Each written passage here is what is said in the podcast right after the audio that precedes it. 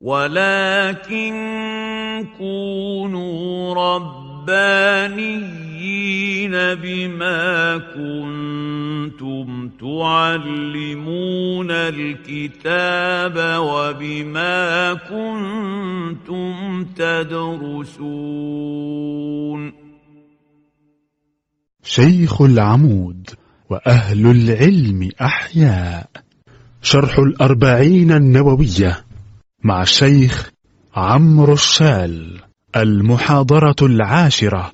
وقد انعقدت هذه المحاضرة يوم الاثنين بتاريخ الرابع عشر من مايو عام 2018 من الميلاد الموافق الثامن والعشرين من شعبان من عام 1439 من الهجرة بعد صلاة العشاء. بمدرسة شيخ العمود بحي العباسية محافظة القاهرة. بسم الله الرحمن الرحيم. الحمد لله والصلاة والسلام على سيدنا رسول الله وعلى آله وصحبه ومن والاه. وبعد فهذا هو المجلس الأخير من الأربعين النووية. نبدأ هذه المحاضرة بالحديث الثامن والثلاثين. عن أبي هريرة رضي الله عنه قال قال رسول الله صلى الله عليه وسلم إن الله تعالى قال من عاد لي وليا فقد آذنته بالحرب. وما تقرب إلي عبدي بشيء أحب إلي مما افترضته عليه. وما يزال عبدي يتقرب إلي بالنوافل حتى أحبه. فإذا أحببته كنت سمعه الذي يسمع به وبصره الذي يبصر به ويده التي يبطش بها ورجله التي يمشي بها. وإن سألني أعطيته ولئن استعاذني لأعيذنه. رواه البخاري. تفضل. هذا الحديث عنون له بعنوان محبة الله تعالى لأوليائه وبيان طريق الولاية. عليك الصلاة وبيان طريق الولاية. فهذا حديث جليل ذكره الإمام النووي من الأحاديث الأربعين النووية يعني يبين محبة الله سبحانه وتعالى لأوليائه ويبين طريق الولاية كيف يصير الإنسان أو كيف يكون الإنسان من أولياء الله. لأن بعض الناس بيظن أن الولاية ديت قاصرة على بعض الأفراد ببعض الصفات ببعض الأعمال التي لا يستطيع عامة الناس أن يصلوا إليه وهذا كلام غير صحيح. فالحديث يبين محبة الله تبارك وتعالى لأوليائه ويبين طريق الولاية كيف يكون الإنسان وليا لله تبارك وتعالى. فعن أبي هريرة رضي الله عنه قال قال رسول الله صلى الله عليه وسلم قال رسول الله صلى الله عليه وسلم إن الله تعالى قال من عاد لي وليا فقد آذنته بالحرب. من عاد لي وليا فقد آذنته بالإيه بالحرب. المراد بالولي المؤمن. يعني إيه معنى الولي؟ المؤمن. لأن المؤمنون أولياء الله. والولي معناه الناصر والمعين. خلاص؟ فالمراد بالولي هنا هو الإيه؟ هو المؤمن. قال الله تعالى الله ولي الذين آمنوا. فمن آذى مؤمنا فقد آذنه الله بالحرب. يعني اللي هيؤذي مؤمن يبقى ده بيؤذي ولي. وسيدنا والحديث يقول من عاد لي وليا فقد آذنته بالحرب. آذنته يعني أعلمته وأخبرته بالحرب. أي أعلمه الله تبارك وتعالى بأنه محارب لله. ليه؟ لأنه حارب وليا أو اعتدى على مؤمن أو آذى مؤمن. يبقى ده يجعل الإنسان دائما يفكر قبل أن يؤذي إنسان أو أن يتعدى عليه يفكر ويتذكر هذا الحديث أنه سيصبح محاربا لله. ومن كان محاربا لله فإن الله تبارك وتعالى لا يعجزه شيء فإن الله يهلكه فإن الله يعني لا يوفقه ولا يصلح حاله. من عاد لي وليا فقد آذنته بالحرب. وده يبين مكانة المؤمن عند الله تبارك وتعالى. يعني ربنا سبحانه وتعالى يحب المؤمن ويريد له الخير. وكذلك إذا أراده إنسان بمكروه أو سوء فإن الله تبارك وتعالى يدفع عن الإيه؟ عن المؤمنين. ويرد عنهم أذى الإيه؟ الأشرار ولو بعد حين. وما تقرب إلي عبدي بشيء أحب إلي مما افترضته عليه. طيب الإنسان وكأن سائل قد سأل. كيف أكون من أولياء الله؟ فيأتي الجواب وما تقرب إلي عبدي بشيء أحب إلي مما إيه؟ مما افترضت عليه. إذا فالفريضة التي فرضها الله تبارك وتعالى الواجبات الأركان الفرائض اللي ربنا فرضها هذه هي أعظم شيء يتقرب به الإنسان إلى خالقه سبحانه وتعالى. يبقى اذا لا يوجد سر في الإسلام ما فيش أسرار. ما فيش إيه؟ أسرار. الطريق واضح ومعلوم بينه رسول الله صلى الله عليه وسلم. وإذا أراد الإنسان أن يترقى في هذا الطريق فعليه أن يخلي نفسه من ال ال ال الأرجاس أو الأنجاس أو المحرمات. أول شيء إنك تبتعد عن المحرمات. ثم بعد ذلك حافظ على الفرائض. حافظ على الإيه؟ فإن هذا أعظم شيء تتقرب به إلى الله تبارك وتعالى وأفضل شيء يتقرب به الإنسان إلى خالقه هو إيه؟ الفريضة الصلاة الصلاة الخمس. الصيام الإنسان لو وجب في ماله الزكاة يؤديها. وجب عليه الحج يحج. هذا هو أعظم شيء يتقرب به الإنسان إلى إيه؟ إلى خالقه. ولا يزال عبدي يتقرب إلي بالنوافل حتى أحبه. يبقى إحنا كده وكأن الإنسان إذا أدى الفريضة خلاص كده أسقط عن نفسه المطالبة أو المؤاخذة أو الإثم. طب عايز هو بقى يترقى في مرتبة أو مكانة أو مقام أعلى من ذلك؟ عايز يبقى كده من الإيه؟ من المحبوبين. فيكثر من الإيه؟ النوافل. النافلة هي الزائدة. يعني زائدة عن الفريضة أو زائدة في الأجر والإيه؟ والثواب. فنجد إن ربنا لما شرع لنا الأركان والفرائض ده اللي ما ينفعش أي مكلف ينزل عنه. في عندنا مقدار بقى من الممكن أن يتسابق الناس فيه اللي هو مقدار الإيه؟ النوافل. ان هتصلي الظهر في صلاة سنة قبلية وفي سنة بعدية. في الصيام في رمضان ده صيام واجب في عند ستة من شوال في اثنين وخميس في تطوع في قيام ليل في زكاة فريضة واجبة لا في عندي صدقة. ونجد إن معظم أفعال الإسلام بهذه الإيه؟ الصورة. في عندي فريضة وفي عندي إيه؟ نافلة. الفريضة الإنسان ما ينفعش يتركها لو تركها سيلام ويحاسب على ذلك. طب النافلة؟ إذا أراد أن يزداد في الخير فباب النوافل هذا هو إيه؟ وأفضل طريق يتزود به إيه؟ الإنسان. وكأن ال ال ال النافلة ديت يعني وكأنها الإيه المقدار الزائد على الفريضة يكمل الفريضة. يعني النوافل ديت مشروعة لحكم. منها إن هو أحيانا لو حدث خلل في الفريضة هذا الخلل من الممكن أن تجبره الإيه؟ النافلة. طبعا الخلل المقصود هنا مش خلل في الأركان، لا ده خلل في إيه؟ في الهيئات أو في الأمور التحسينية أو التكميلية في الإيه؟ في العبادة. من الممكن إن إحنا نجبر هذا الخلل بالإيه؟ بالإكثار من الإيه؟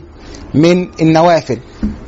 أو إن هي ترفع أو تكون النوافل زيادة في الأجر والخير لو الإنسان الفريضة بتاعته تامة إن شاء الله يبقى ده زيادة في الأجر والإيه والخير وهي كذلك باب من أبواب تكفير السيئات ورفع الدرجات والمقصود الأعظم هو أن ينال الإنسان محبة الله تبارك وتعالى.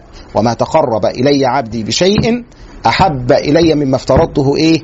عليه. ولا يزال عبدي أو ما يزال عبدي يتقرب إلي بالنوافل حتى أحبه. فإذا أحببته كنت سمعه الذي يسمع به. طب الإنسان لو نال بقى الولاية أو نال درجة المحبة فصار من المحبوبين ربنا يحبه إيه اللي يحصل؟ أول شيء ربنا يحفظه من الوقوع في المعاصي. يبقى عندنا حاجة كده اسمها العصمة والعصمة تكون للأنبياء. وعندنا حاجة يكون اسمه حاجة اسمها الإيه؟ الحفظ. والحفظ ده يكون لأولياء الله. يعني إيه الحفظ؟ إن ربنا يحفظ بصره فلا ينظر إلى الحرام ويحفظ لسانه فلا يتكلم إلا بما يرضي الله أو بذكره. يحفظ يده فلا تمتد إلى الحرام. يحفظ رجله فلا تمشي إلى الحرام. وكذلك سائر الإيه؟ الأعضاء السمع والبصر وغير ذلك. يبقى ده معنى الإيه؟ كنت سمعه الذي يسمع به وبصره الذي يبصر والى آخره. يبقى معناه أنه محفوظ ولا يفعل بهذه الأعضاء إلا ما فيه رضا الله تبارك وتعالى. أما ما فيه سخطه أو غضبه فإنه محفوظ عنه. وده بسبب إيه؟ إن الإنسان ده حافظ على الفرائض وتزود بالإيه؟ بالنوافل فنال هذه المرتبة اللي هي مرتبة الإيه؟ الحفظ. أو يكون المعنى إن الله سبحانه وتعالى يكون في قلب العبد. فإذا أراد أن ينظر تفكر. فلا ينظر إلا إلى ما إلا إلى ما يرضي الله. وإذا أراد أن يفعل شيئا بيده فلا يفعل إلا ما يرضي الله وهكذا. يبقى معنى ذلك أن الله ان الله تبارك وتعالى إيه؟ يحفظ الإيه؟ الإنسان.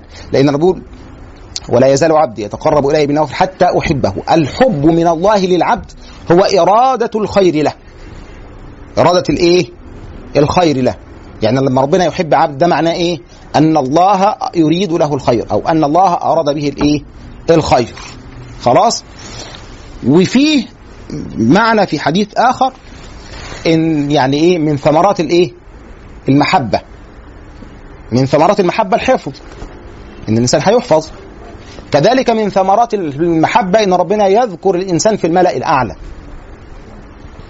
إذا أحب الله عبدا نادى جبريل يا جبريل إني أحب فلانا فأحبه. فيحبه جبريل. ثم ينادي جبريل في الملأ الأعلى إن الله يحب فلانا باسمه باسم العبد فأحبوه فيحبه أهل السماء.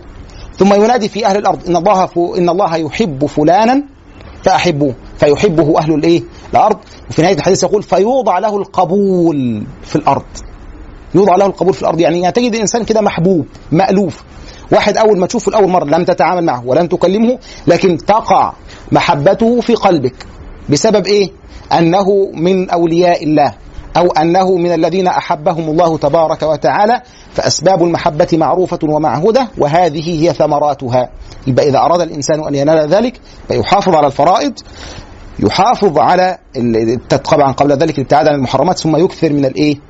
من النوافل. هذا هو معنى الحديث بإيجاز شديد الذي يرشدنا إلى محبة الله تبارك وتعالى لأوليائه والمقصود بالأولياء هم المؤمنون. وطبعا تتفاوت الدرجات وتتفاوت الرتب على قدر عمل الإنسان. ثم بعد ذلك الإنسان كيف يكون من أولياء الله بالمحافظة على الفرائض اولا ثم يكثر من الإيه؟ من النوافل. ما ثمرة ذلك وفائدة ذلك إن هو ربنا يحبه وإذا أحبه أراد له الخير وحفظه من الشر وحفظه من المعاصي. وذكره في الملأ الأعلى ووضع له القبول بين الإيه؟ بين الناس. حد عنده سؤال؟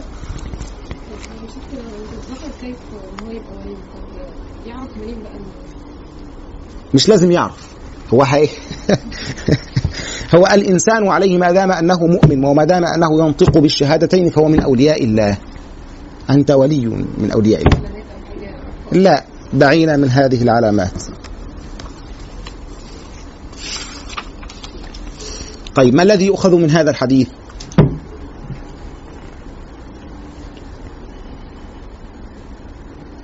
تقرب الله بالنوافل بيعود على العبد بان ربنا جميل حب الله اليه ان هو تمام بيحفظه تمام مم. إيه كمان أنا شايفة أن الجملة من عاد لي وليا فقد آذنته بالحق آه، شكل من أشكال آه، بيبث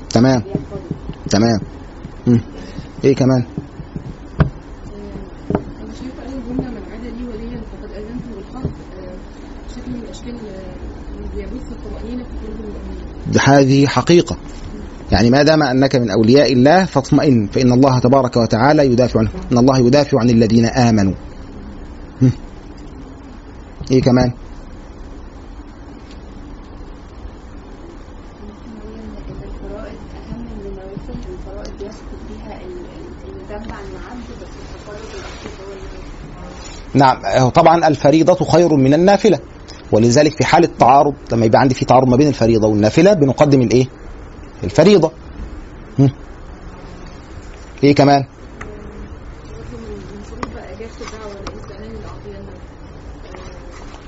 تمام. ولئن سألني لأعطينه ولئن استعاذ بي لأعيذنه. برضو ده من ثمرات الإيه؟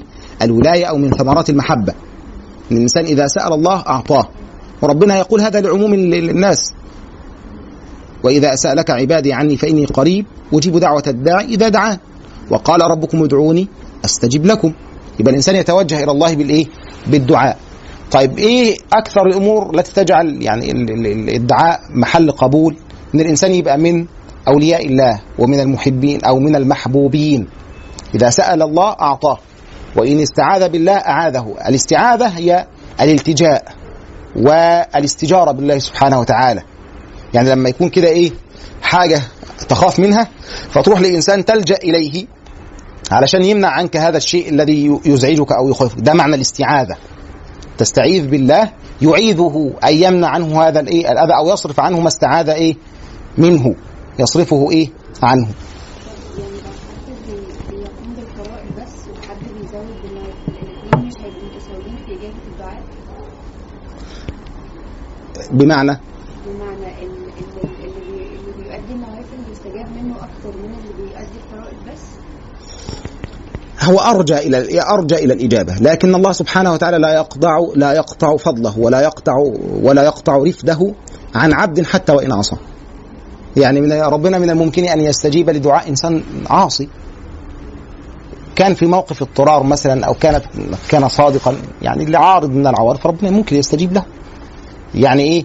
مش معنى إن الإنسان أذنب ذنبا أو عصى الله تبارك وتعالى. ان إحنا نقنطه ونقول لا إن الباب مغلق. لا. فضل الله واسع ورحمة الله تبارك وتعالى عظيمة. خلاص؟ لكن هذا يكون أرجى. الإنسان الطائع بقى اللي هو ده من المحبوبين ده أرجى إلى القبول من غيره. لكن مش معنى كده إن إحنا إيه؟ هنغلق الباب في وجه الإيه؟ الاخرين إيه كمان؟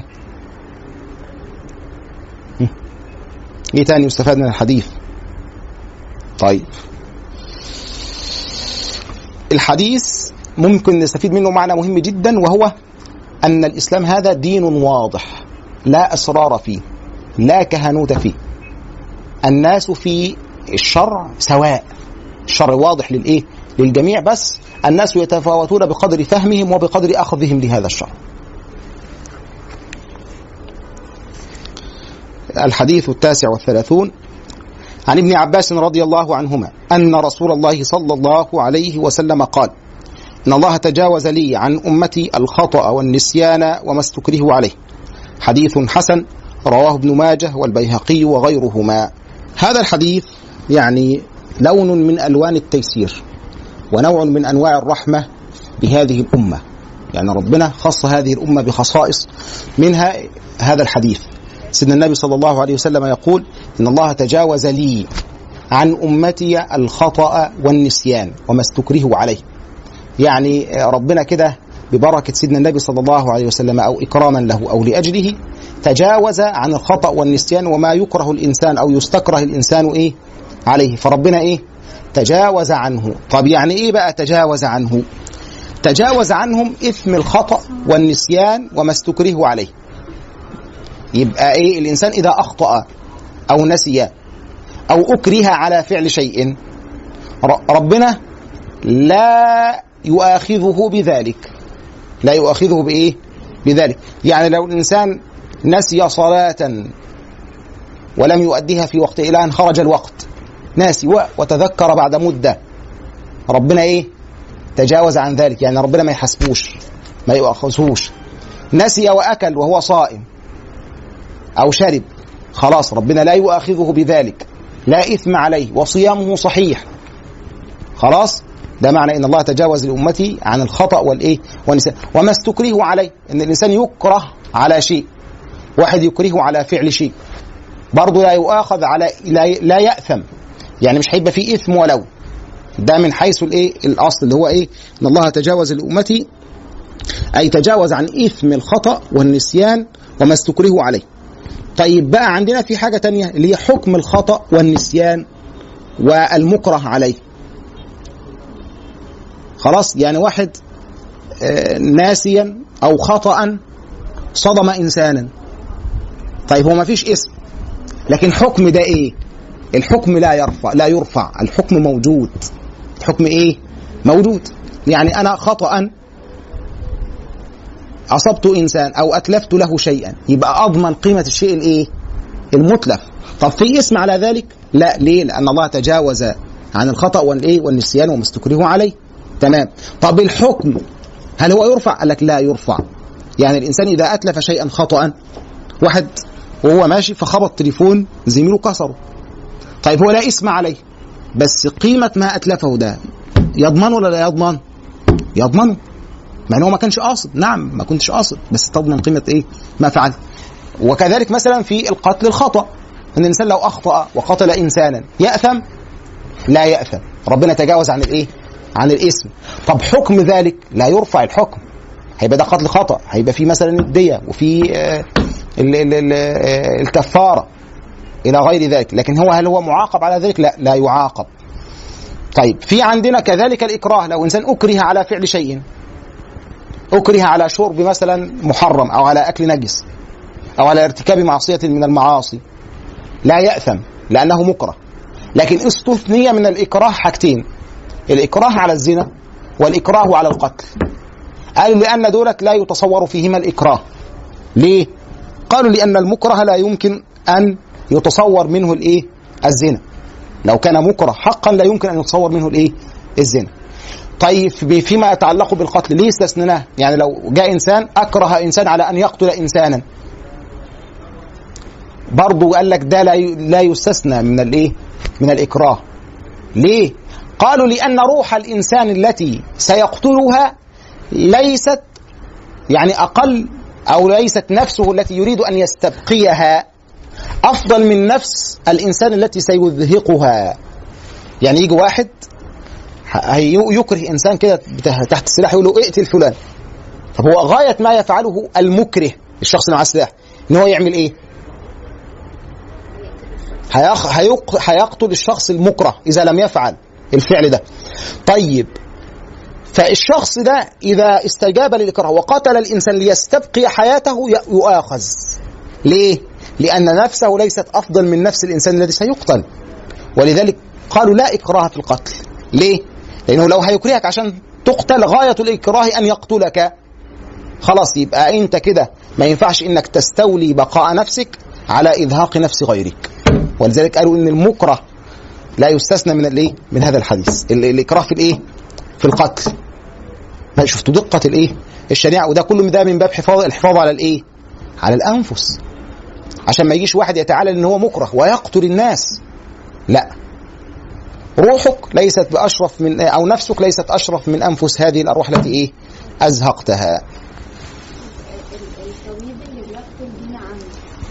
عليه حكم ده خطا خطأ الأطباء. ده قصة طويلة عريضة بقى. قصة طويلة عريضة خلاص مش هينفع لها هذا المقام يعني. خلاص؟ طبعا هو خطأ. الطبيب هو ما دام هو لم يقصر لا شيء عليه يعني لا يأثم. طب حكم ذلك؟ ده في كلام كتير بقى. في كلام كتير. خلاص؟ وبنحتاج لتقارير للجنة و- والى آخره. عشان مقدار هذا الخطأ وتحديده. لو الطبيب نفسه عارف إن هو أخطأ بس يعني محدش تاني يعرف. بس هو عارف هو من جواه عارف إن هو أخطأ وإن هو السبب في موت المريض ده. طبعا. حكم ذلك بقى حكم الخط الخطأ.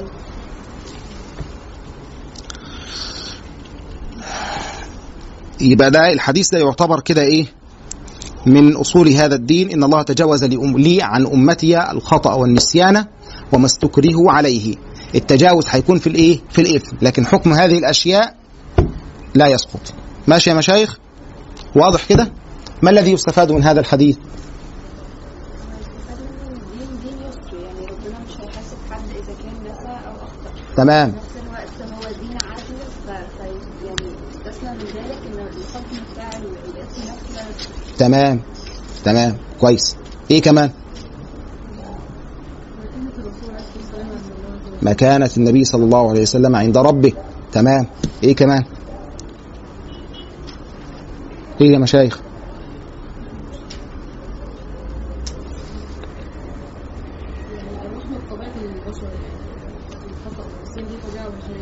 إن الإنسان يخطئ أو ينسى ده ده شيء يعني لا يخرج عنه إنسان. فربنا يتجاوز عن هذا. وده من باب الإيه؟ يعني التيسير في التكليف. طيب حد عنده سؤال؟ طيب. الحديث الأربعون. عن ابن عمر رضي الله عنهما قال أخذ رسول الله صلى الله عليه وسلم بمنكبي فقال كن في الدنيا كأنك غريب أو عابر سبيل. وكان ابن عمر رضي الله عنهما يقول إذا أمسيت فلا تنتظر الصباح وإذا أصبحت فلا تنتظر المساء وخذ من صحتك لمرضك ومن حياتك لموتك. رواه البخاري. عن ابن عمر اللي هو سيدنا عبد الله بن عمر رضي الله عنهما ومر معنا ترجمته قبل ذلك قال أخذ رسول الله صلى الله عليه وسلم بمنكبي. اللي هو إيه؟ الكتف كده.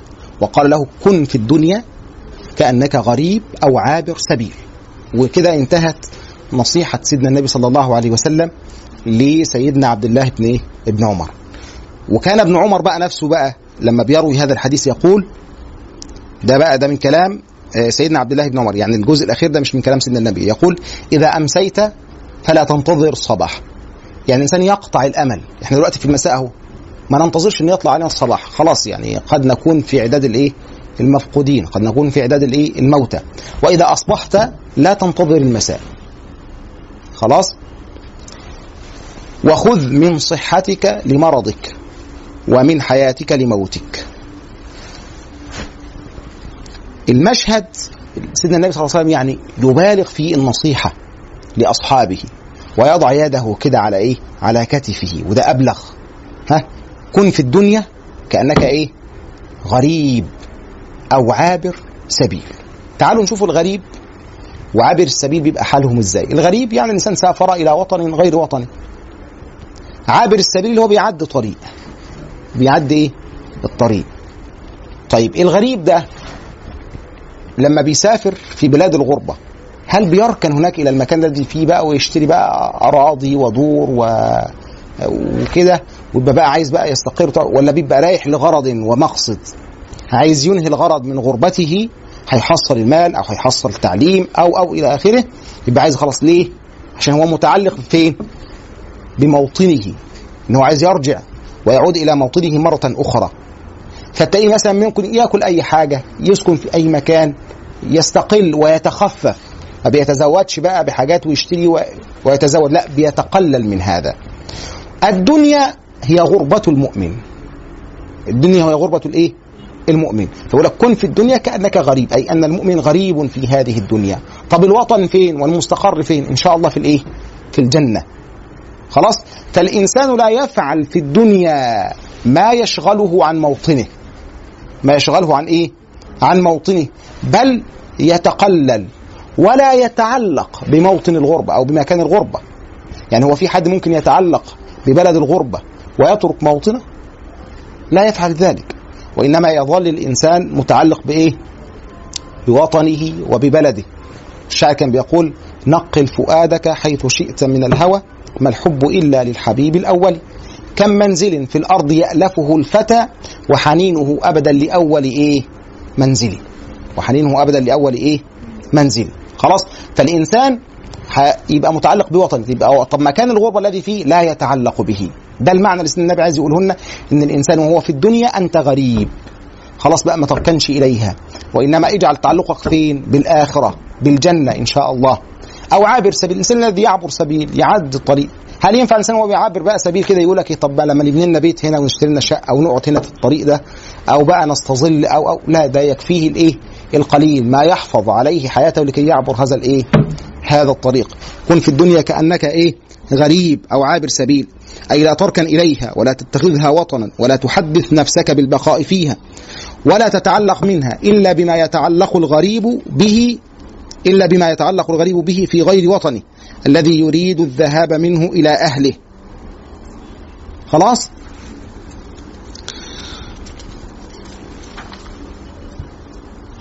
والحديث يعني دعوة إلى قصر الأمل أو إلى قصر الإيه؟ الأمل. الانسان ما يؤملش بقى نعيش بقى 60 و70 وإن شاء الله بعد ما أطلع المعاش وأجوز الأولاد والأحفاد وأطمن على الأحفاد الأحفاد. ده أمل. ده إيه؟ أمل. والقصر الأمل لا يعني التخطيط للمستقبل. لا الإنسان يخطط لحياته ولمستقبله لكن يبقى متوقع انه ممكن يأتيه الموت فجأة. يحول بينه وبين ما يفعل. فيبقى قصر الأمل ده دافع إلى الإيه؟ إلى التزود للآخرة. والتخطيط انه يحيا حياة إيه؟ طيبة. والعاقل هو الذي يجمع بين الإيه؟ بين الأمرين.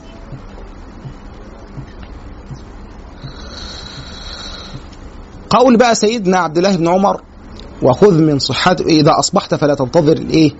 المساء وإذا أمسيت فلا تنتظر الإيه؟ الصباح. يعني الإنسان لا يطول أمله في الإيه؟ في الدنيا. طب إذا تعلق بشيء أو هيعمل حاجة بكرة يقول ليه؟ إن شاء الله. ولا تقولن لشيء إني فاعل ذلك غدا إلا أن يشاء الله سبحانه وتعالى. وخذ من صحتك لمرضك ومن حياتك لموتك. ده معناه أن الإنسان يغتنم الفرص المتاحة. شوف ما هو متاح؟ يغتنمه خذ من صحتك لمرضك. أنت الإنسان صحيح. فافعل. ما تريد الآن وأنت صحيح. عايز تصلي عايز تصوم عايز تتعبد عايز تتصدق عايز تصل الأرحام عايز تتعلم عايز تسافر. أنت الآن إيه؟ صحيح. اغتنم هذا وخذه من صحتك. ليه؟ لمرضك. لأنك قد تمرض وإذا مرضت لا تتمكن من فعل هذا. تقول يا ده أنا لو كنت قادر دلوقتي كنت صمت. يا ده أنا لو كنت قادر دلوقتي كنت صليت. يا ده أنا لو كنت قادر دلوقتي كنت تصدقت. طب ما كان ده متاح قبل كده. يبقى الإنسان يغتنم إيه؟ ما هو إيه؟ متاح الآن ولا ينتظر إلى الإيه؟ إلى غد. تجد الشاب يقول لك إن شاء الله لما أكبر أبقى أصلي والبنت إن شاء الله لما أكبر أبقى أتحجب ولما أكبر إن شاء الله أبقى أحفظ القرآن ولما أكبر إن شاء الله أبقى أعمل وبعد كده يجي له الضغط والسكر والمتلازمة بتاعت المصريين ديت والقلب واضافوا إليها دلوقتي ال ال ال ال الأمراض ال- اللي لسه الجديدة ديت ولا يقدر لا يحفظ ولا يقرأ ولا يتعلم ولا يفعل شيء. ليه؟ لأنه ضيع الشباب وضيع الصحة وضيع الفراغ. سيدنا النبي صلى الله عليه وسلم كان يقول اغتنم خمسا قبل خمس. ها شبابك قبل هرمك ها وصحتك قبل مرضك وغناك قبل فقرك. إيه كمان؟ وفراغك قبل وحياتك قبل موتك. اغتنم هذه الإيه؟ الأشياء الإنسان يغتنمها. إذا كنت صحيحا اغتنم الصحة. كان عندك وقت اغتنم الوقت. كان عندك مال اغتنم المال. كل هذه الأشياء الإنسان إيه؟ يغتنمها. ولا يؤجل أو يسوف للإيه؟ للمستقبل. وخذ من صحتك لمرضك ومن حياتك لموتك. يعني إيه الإنسان يأخذ من حياته من حياته لموته؟ الإنسان يتزود من الحياة للممات. طب هيتزود من الحياة إيه؟ هياخد أكل وشرب معاه سندوتشات ورايح الاخره لا. يتزود بالعمل الصالح. الزاد الذي يأخذه الإنسان من الدنيا هو العمل الإيه؟ الصالح. هو ده زاد الإنسان الذي سينفعه في الإيه؟ في الآخرة. طب لو لو لم يتزود. يجي بقى في الآخر يقول رب ارجعون. لعلي أعمل صالحا فيما تركت. يبقى الرد إيه؟ كلا. إنها كلمة هو قائلها ومن ورائهم برزخ إلى يوم إيه؟ إلى يوم يبعثون. ماشي يا مشايخنا. ما هي الدروس المستفادة من هذا الحديث الناس في طمأنينة إن كل شيء في الدنيا زائل فالواحد يتزود في الدنيا للآخرة لأن هو ده دار البقاء تمام ماشي إحنا نزيد في الاعمال الصالحه لأن إحنا مش ضروري تمام. التزود بالعمل الصالح. إيه كمان.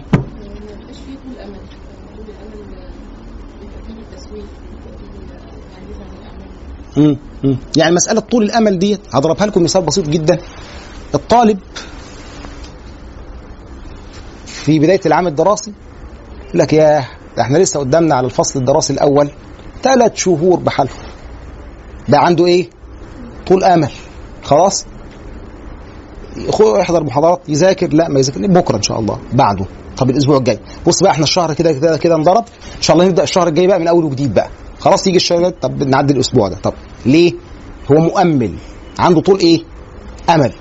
لحد ما يداهمه الإيه؟ الامتحان. فاضل يوم أو يومين أو أسبوع. هيقدر يسوف تاني؟ يقول لك بعد الامتحانات لا مفيش لأن مفيش ترحيل فيبدأ إيه؟ يعمل يشتغل. طب ما كان من البداية. ده كان الإيه؟ شفت طول الأمل عمل فيه إيه؟ كذلك الإنسان بيظن إن أجله لسه يا ده أنا لسه عندي 30 سنة ولا حاجة و20 سنة. يا فين بقى لما الواحد يوصل للاربعينات ولا الخمسينات والستينات؟ وما يدري هذا المسكين هو ممكن أجله يأتيه الآن أو بعد قليل. فلا يتمكن من فعل ما أراده أو كان يأمله. فالإنسان يقصر الإيه؟ الأمل. إيه كمان الإنسان يستغل الفرصة المتاحة ليه يعني إذا كان هو عنده صحة دلوقتي فيستغلها في إن هو يعبد ربنا عشان بعد كده ما يعرفش إيه اللي هيحصل. تمام. ما هو ده اللي سيدنا النبي أرشد إليه. والشاعر كان يقول إذا هبت رياحك فاغتنمها. يعني إذا وجدت نشاط كده وقوة اغتنم ذلك. فإن لكل خافقة سكون. ممكن تنام تاني. وإذا ضرت نياقك فاحتلبها. فلا تدري الفصيل لمن يكون. النياق جمع ناقة. يعني إذا درت بقى فيها إيه؟ لبن. موجود. فاحتلبها احتلب هذا اللبن. فلا تدري الفصيل اللي هو الحيوان الصغير بتاع ابنها ده اللي هو بيرضع منها ده. لمن يكون يا ترى انت اللي هتاخده ولا غيرك؟ فلا تترك له كل اللبن وخذ منه إيه؟ شيئا. ده معنى الإيه؟ الكلام يعني. إيه كمان الذي يستفاد من هذا الحديث؟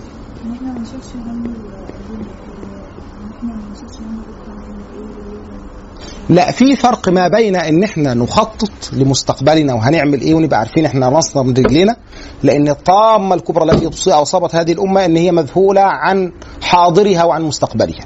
الحقيقة يعني. خلاص؟ لا ده إحنا عايزين نضع خطط مستقبلية خمسية وخمسينية والكلام ده. التخطيط ده. التخطيط شيء والأمل شيء. التخطيط ده أمر والإعداد للمستقبل ده أمر مهم والشرع يدعو إلى ذلك. خلاص؟ لكن في نفس الوقت يبقى الإنسان عامل إن هو من الممكن أن يترك ذلك أن يترك كل فما يبقاش متعلق بيه بس مخطط. أنا إن شاء الله بكرة هعمل واحد اثنين ثلاثة أربعة وفي نفس الوقت عامل حساب إن أنا هنام ومش هقوم. خلاص؟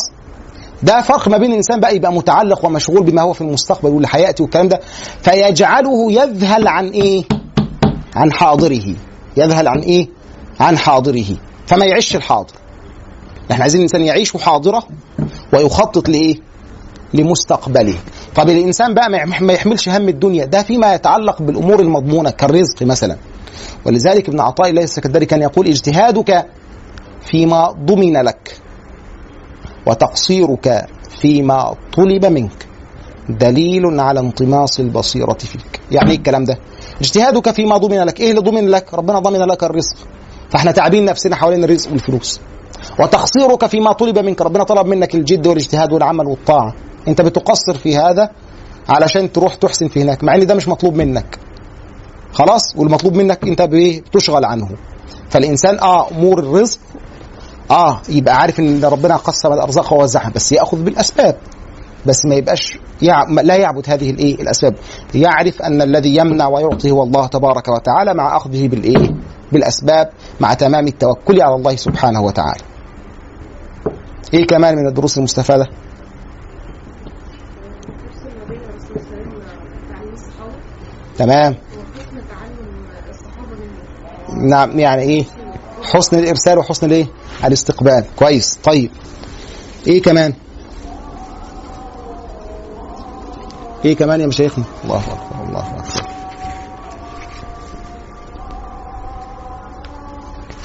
مفيش؟ كما خلاص. لم تجد. لم تجد قرائحكم بغير ذلك؟ طيب. ربنا يفتح عليكم إن شاء الله فتوح العارفين. ننتقل بعد ذلك إلى الحديث الحادي والأربعين. عن أبي محمد عبد الله بن عمرو بن العاص رضي الله عنهما قال قال رسول الله صلى الله عليه وسلم لا يؤمن أحدكم حتى يكون هواه تبعا لما جئت به. حديث صحيح رويناه في كتاب الحجة بإسناد صحيح. نقرأ. عن أبي محمد عبد الله بن عمرو بن العاص رضي الله عنهما قال قال رسول الله صلى الله عليه وسلم لا يؤمن أحدكم حتى يكون هواه تبعا لما جئت به. حديث حسن صحيح. طيب قول النبي صلى الله عليه وسلم لا يؤمن أحدكم حتى يكون هواه تبعا لما جئت به. يعني إن الشخص يجب عليه أن يعرض أعماله كاملة على كتاب الله وعلى سنة رسوله والا يكون له اختيار أو هوى غير ما جاء به الإيه؟ الشرع. يعني يبقى هوى الإنسان وإرادته موافقة لما جاء به الإيه؟ لما جاء به الايه الشرع والقرآن الكريم يقول وما كان لمؤمن ولا مؤمنة إذا قضى الله ورسوله أمرا أن يكون لهم الخيرة من إيه؟ من أمرهم. فليس لأحد مع الله عز وجل ولا مع رسوله اختيار أو رأي. أو اختيار أو إيه؟ أو رأي. وده معنى مهم جدا.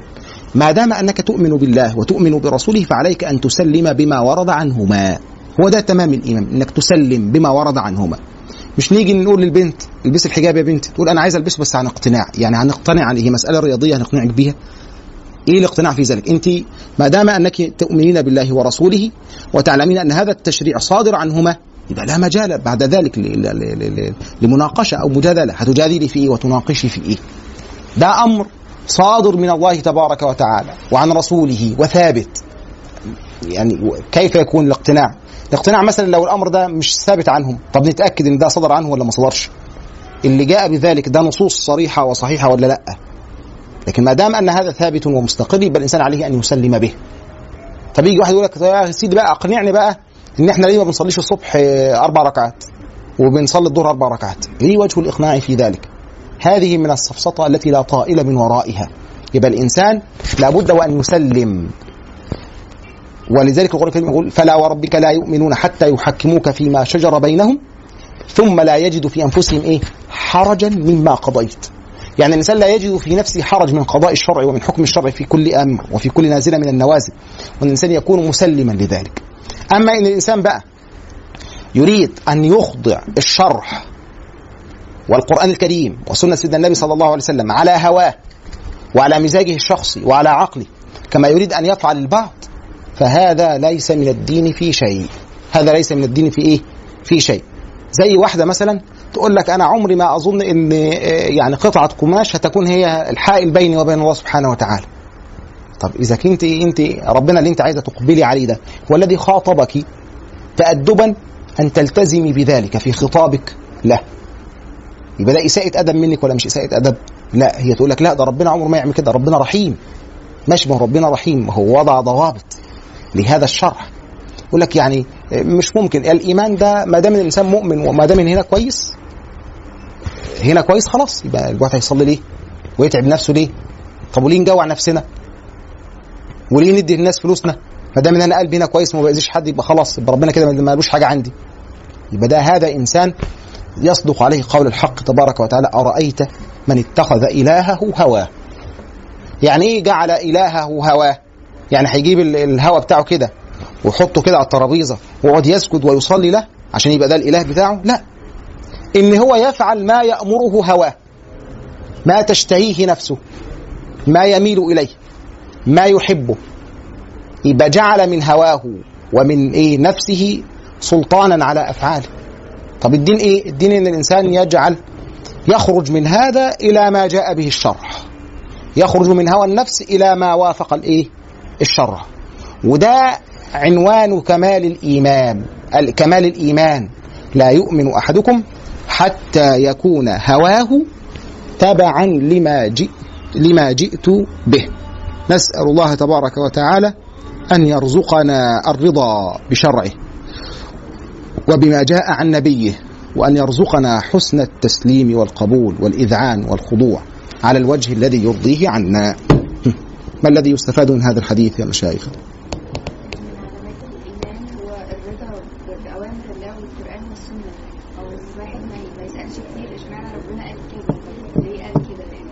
لا إذا كان الإنسان يسأل عن الفهم ومعرفة الحكمة فهذا أمر لا شيء فيه. لكن لا كان يسأل على جهة الاعتراض والتشكيك فهذا هو الإيه؟ المذموم. لأن برضو الإسلام لا يدعو إلى إلغاء العقل. ده الإسلام يحترم العقل ويجله ويأمرنا بالتفكر والتدبر. إيه كمان؟ عليه الصلاة والسلام. يعني نطيع الله ونطيع الرسول صلى الله عليه وسلم. إيه كمان؟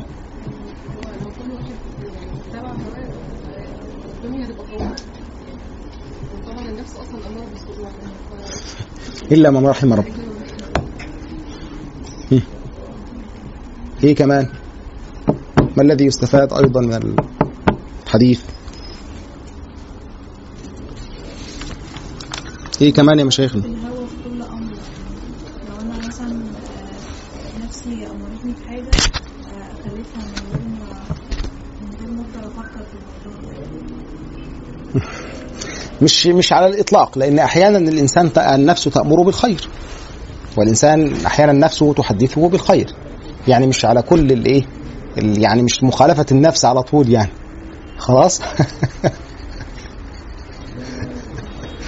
يعني كان من الطرائف التي تروى في هذا المعنى.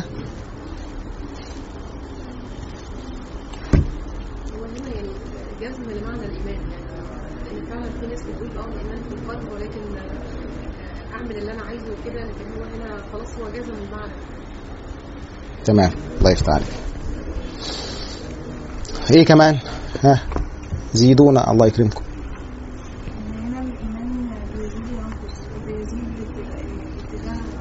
بالطاعة وينقص بالمعصية. هذه حقيقة. الإيمان يزيد وينقص.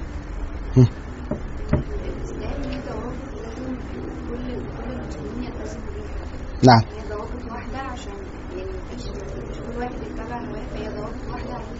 تمام. تمام. الله يفتح عليك. ننتقل بعد ذلك إلى الحديث الأخير من الأحاديث ال- ال- ال- من الأربعين النووية. وده حديث يعني الإمام النووي أحسن ختام الكتاب بهذا الإيه؟ الحديث. يعني هو الحديث ده يتحدث عن سعة مغفرة الله عز وجل للعباد. عن أنس رضي الله عنه قال سمعت رسول الله صلى الله عليه وسلم يقول قال الله تعالى يا ابن آدم إنك ما دعوتني ورجوتني غفرت لك على ما كان منك ولا أبالي. يا ابن آدم لو بلغت ذنوبك عنان السماء ثم استغفرتني غفرت لك.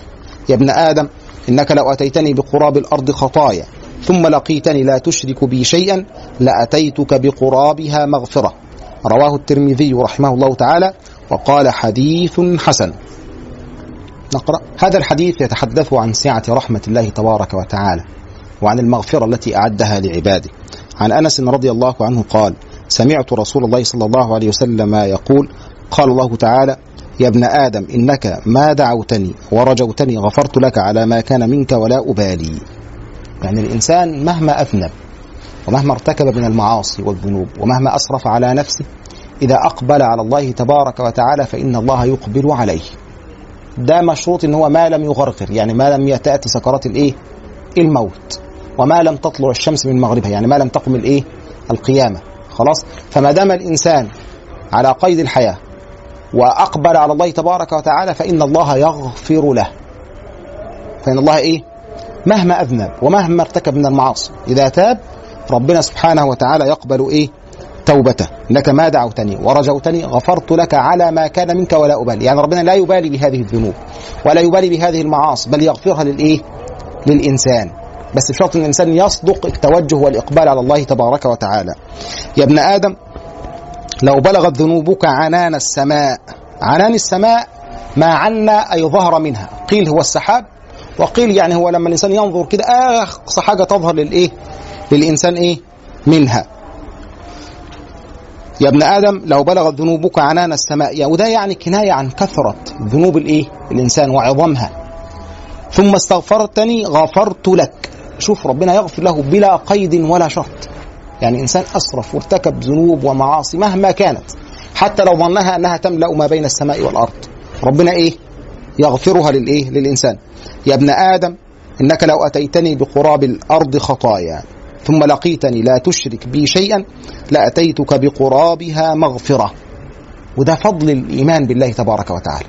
يعني الإنسان ما دام أنه مؤمن وما دام أنه ينطق الشهادتين ويعتقد ذلك فعليه أن يحسن الظن بالله تبارك وتعالى.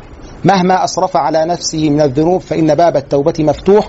والله تبارك وتعالى يعني يقبل على العبد إذا أقبل عليه.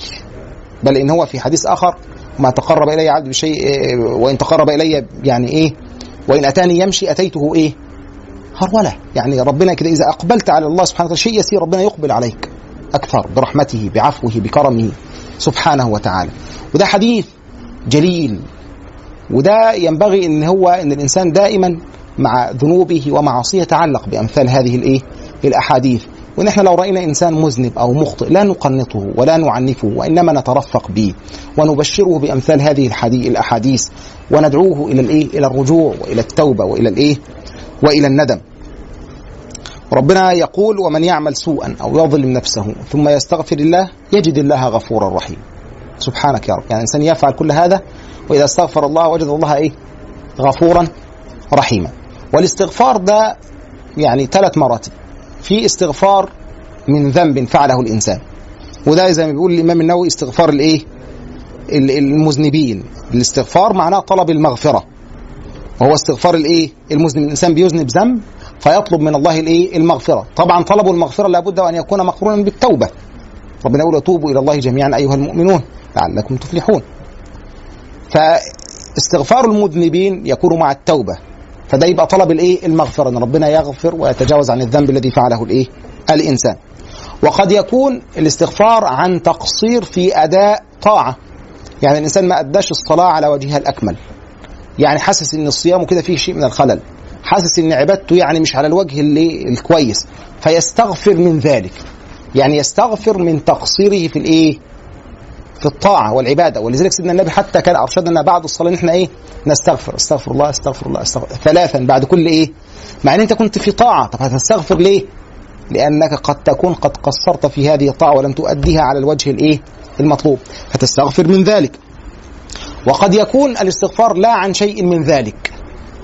بل يكون شكرا. وهو استغفار الأنبياء والمرسلين. سيدنا النبي كان يستغفر في المجلس الواحد أكثر من سبعين مرة ويستغفر الله. طب هو سيدنا النبي أذنب؟ ده معصوم من الخطأ لا يذنب. هذا الاستغفار من باب الإيه؟ الشكر. من باب الإيه؟ شكر. يشكر الله تبارك وإيه؟ وتعالى. وذكر الإمام النووي آخر شيء ذكره اللي هو الدعاء الذي يسمى سيد الاستغفار. اللي هو اللهم أنت ربي لا إله إلا أنت خلقتني وأنا عبدك وأنا على عهدك ووعدك ما استطعت. أعوذ. أعوذ بك من شر ما صنعت. أبوء لك بنعمتك علي وأبوء بذنبي فاغفر لي إنه لا يغفر الذنوب إلا أنت.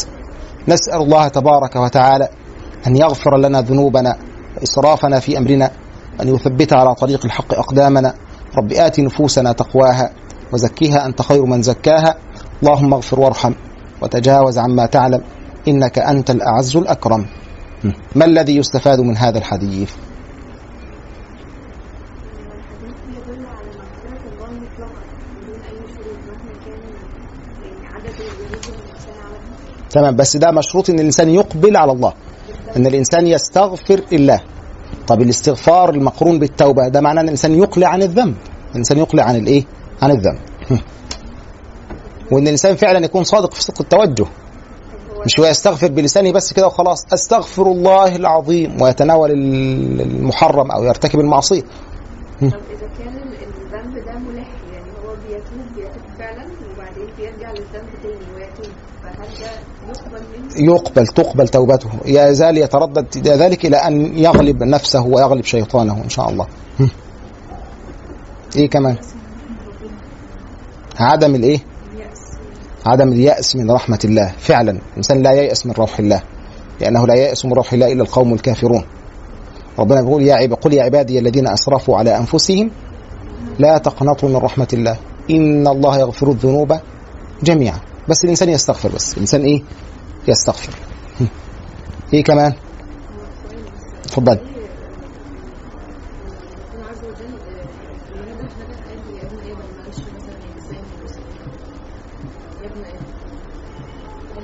معينه؟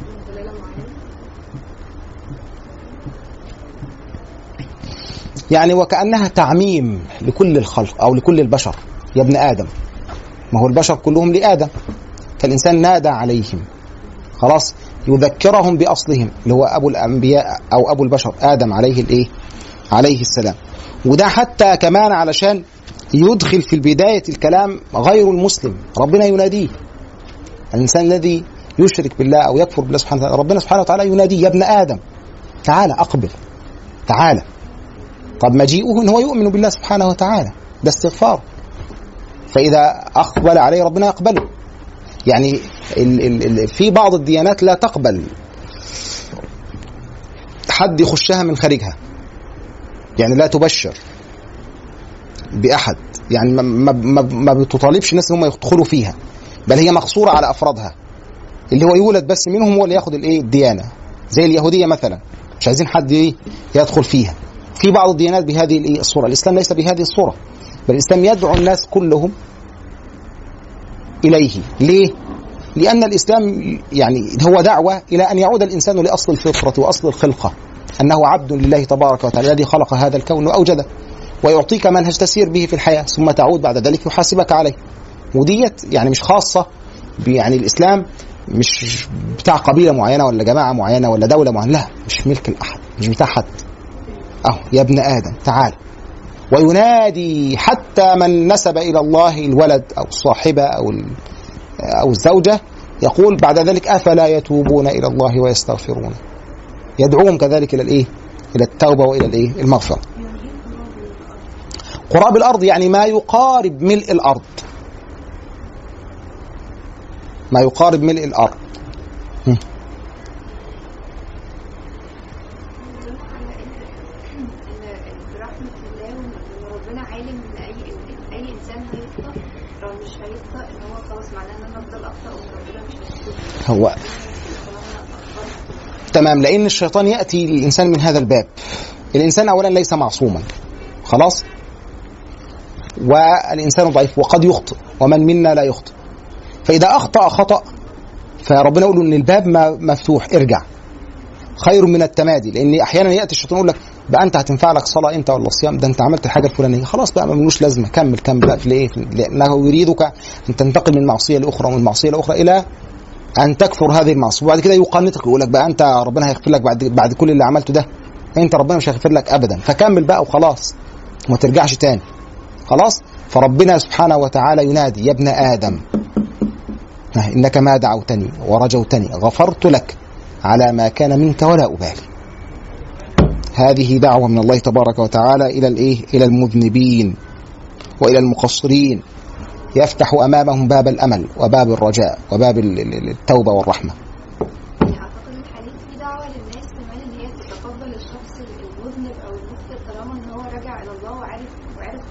أو طبعا. يقول ده حتى تقبله وهو مخطئ أو مذنب. إحنا ننكر الخطأ الذي وقع فيه وننكر الذنب الذي وقع فيه لكن لا نرفض الشخص نقبله لأن في فرق ما بين الإنكار على التصرف أو السلوك وما بين الإنكار على الشخص نفسه.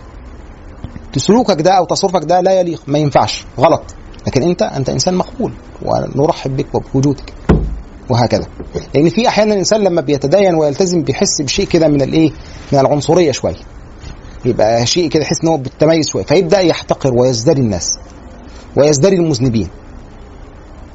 ولذلك كان يقول إن رب معصية أورثت ذلا وانكسارا خير من طاعة أورثت عزا واستكبارا. يعني إيه؟ يعني الإنسان من الممكن إن هو يقع في ذنب أو معصية فتكون المعصية دي تكسر نفس الإنسان ويتذلل إلى الله تبارك وتعالى ويتواضع ليه؟ لأنه عارف ان هو إيه؟ أذنب. هذه المعصية تكون خير لا لأنها تسببت في إيه؟ في انكساره وفي خضوعه وتواضعه. وممكن بقى طاعة تانية يرتكبها فيشعر بشيء من الإيه؟ الزهو والفخر. فيتكبر على الناس ويتعالى عنهم. فتكون دي تسببت في إهلاك ودي تسببت في إيه؟ في نجاته طبعا المعصية ديت التي سيعقبها توبة وندم. مش اللي هيستمر بقى على طول ويتم إيه؟ شغال. إيه كمان من الدروس المستفادة؟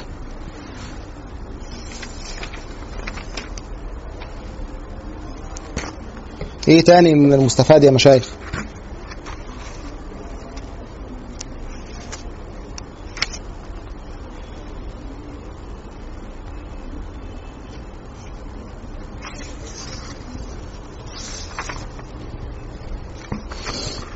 وكده يبقى تم ختام هذا الكتاب اللي هو الأربعين النووية هنقرأ بس كده خاتمة الإمام النووي اللي هو كتبها بعد أن فرغ من الإيه؟ من الأربعين. قال فهذا قال الإمام النووي رحمه الله ونفعنا بعلومه وعلوم مشايخنا في الدارين آمين. فهذا آخر ما قصدته من بيان الأحاديث التي التي جمعت قواعد الإسلام. وتضمنت ما لا يحصى من أنواع العلوم في الأصول والفروع والآداب وسائر وجوه الأحكام. يعني هو لو أنتم تذكرون إحنا في البداية خالص إن الإمام النووي قال إن هو هيجمع أربعين تجمع بقى الأصول والفروع والقواعد والآداب وما يحتاج إليه الإيه؟ المتعبد والناسك والمتعلم. وفى وفى فعلا الأحاديث كلها متنوعة جمعت كل هذه الإيه؟ الأمور. وها أنا أذكر بابا مختصرا جدا في ضبط ألفاظها مرتبة لئلا يغلو لئلا يغلط في شيء منها. ولا يستغني بها حافظها وليستغني بها حافظها عن مراجعة غيره في ضبطها. ثم أشرع في شرحها إن شاء الله تعالى في كتاب مستقل. وقد فعل الإمام النووي هو عمل كده ضبط للألفاظ الواردة فيها وبعض ال- ال- ال- الطبعات زي طبعة دار المنهاج جابت الضبط ده وعملته في الهامش تحت. يعني يضبط الألفاظ تشكيلها يعني. ثم أشرع في شرحها إن شاء الله في تعالى في كتاب مستقل وقد فعل. شرحها الإمام النووي في شرح مستقل. وأرجو من فضل الله تعالى أن يوفقني فيه لبيان مهمات من اللطائف وجمل من الفوائد والمعارف. لا يستغني مسلم عن معرفة مثلها وي- ويظهر لمطالعها جزالة هذه الأحاديث وعظم فضلها وما اشتملت عليه من النفائس التي ذكرتها والمهمات التي وصفتها. ويعلم بها الحكمة في اختيار هذه الأحاديث الأربعين وأنها حقيقة بذلك عند الناظرين وإنما أفردتها عن هذا الجزء ليسهل حفظ ذا الجزء بانفراده. يعني هو ليه عمل الأحاديث الأول وبعد كده عمل الشرح؟ قال عمل الجزء ده كده عشان يسهل حفظه بين إيه؟ بانفراده. ثم من أراد ضم الشرح إليه فليفعل ولله عليه المنة ولله عليه المنة بذلك إذ يقف على نفائس على نفائس اللطائف المستنبطة من كلام من قال الله في حقه وما ينطق عن الهوى إن هو إلا وحي يوحى.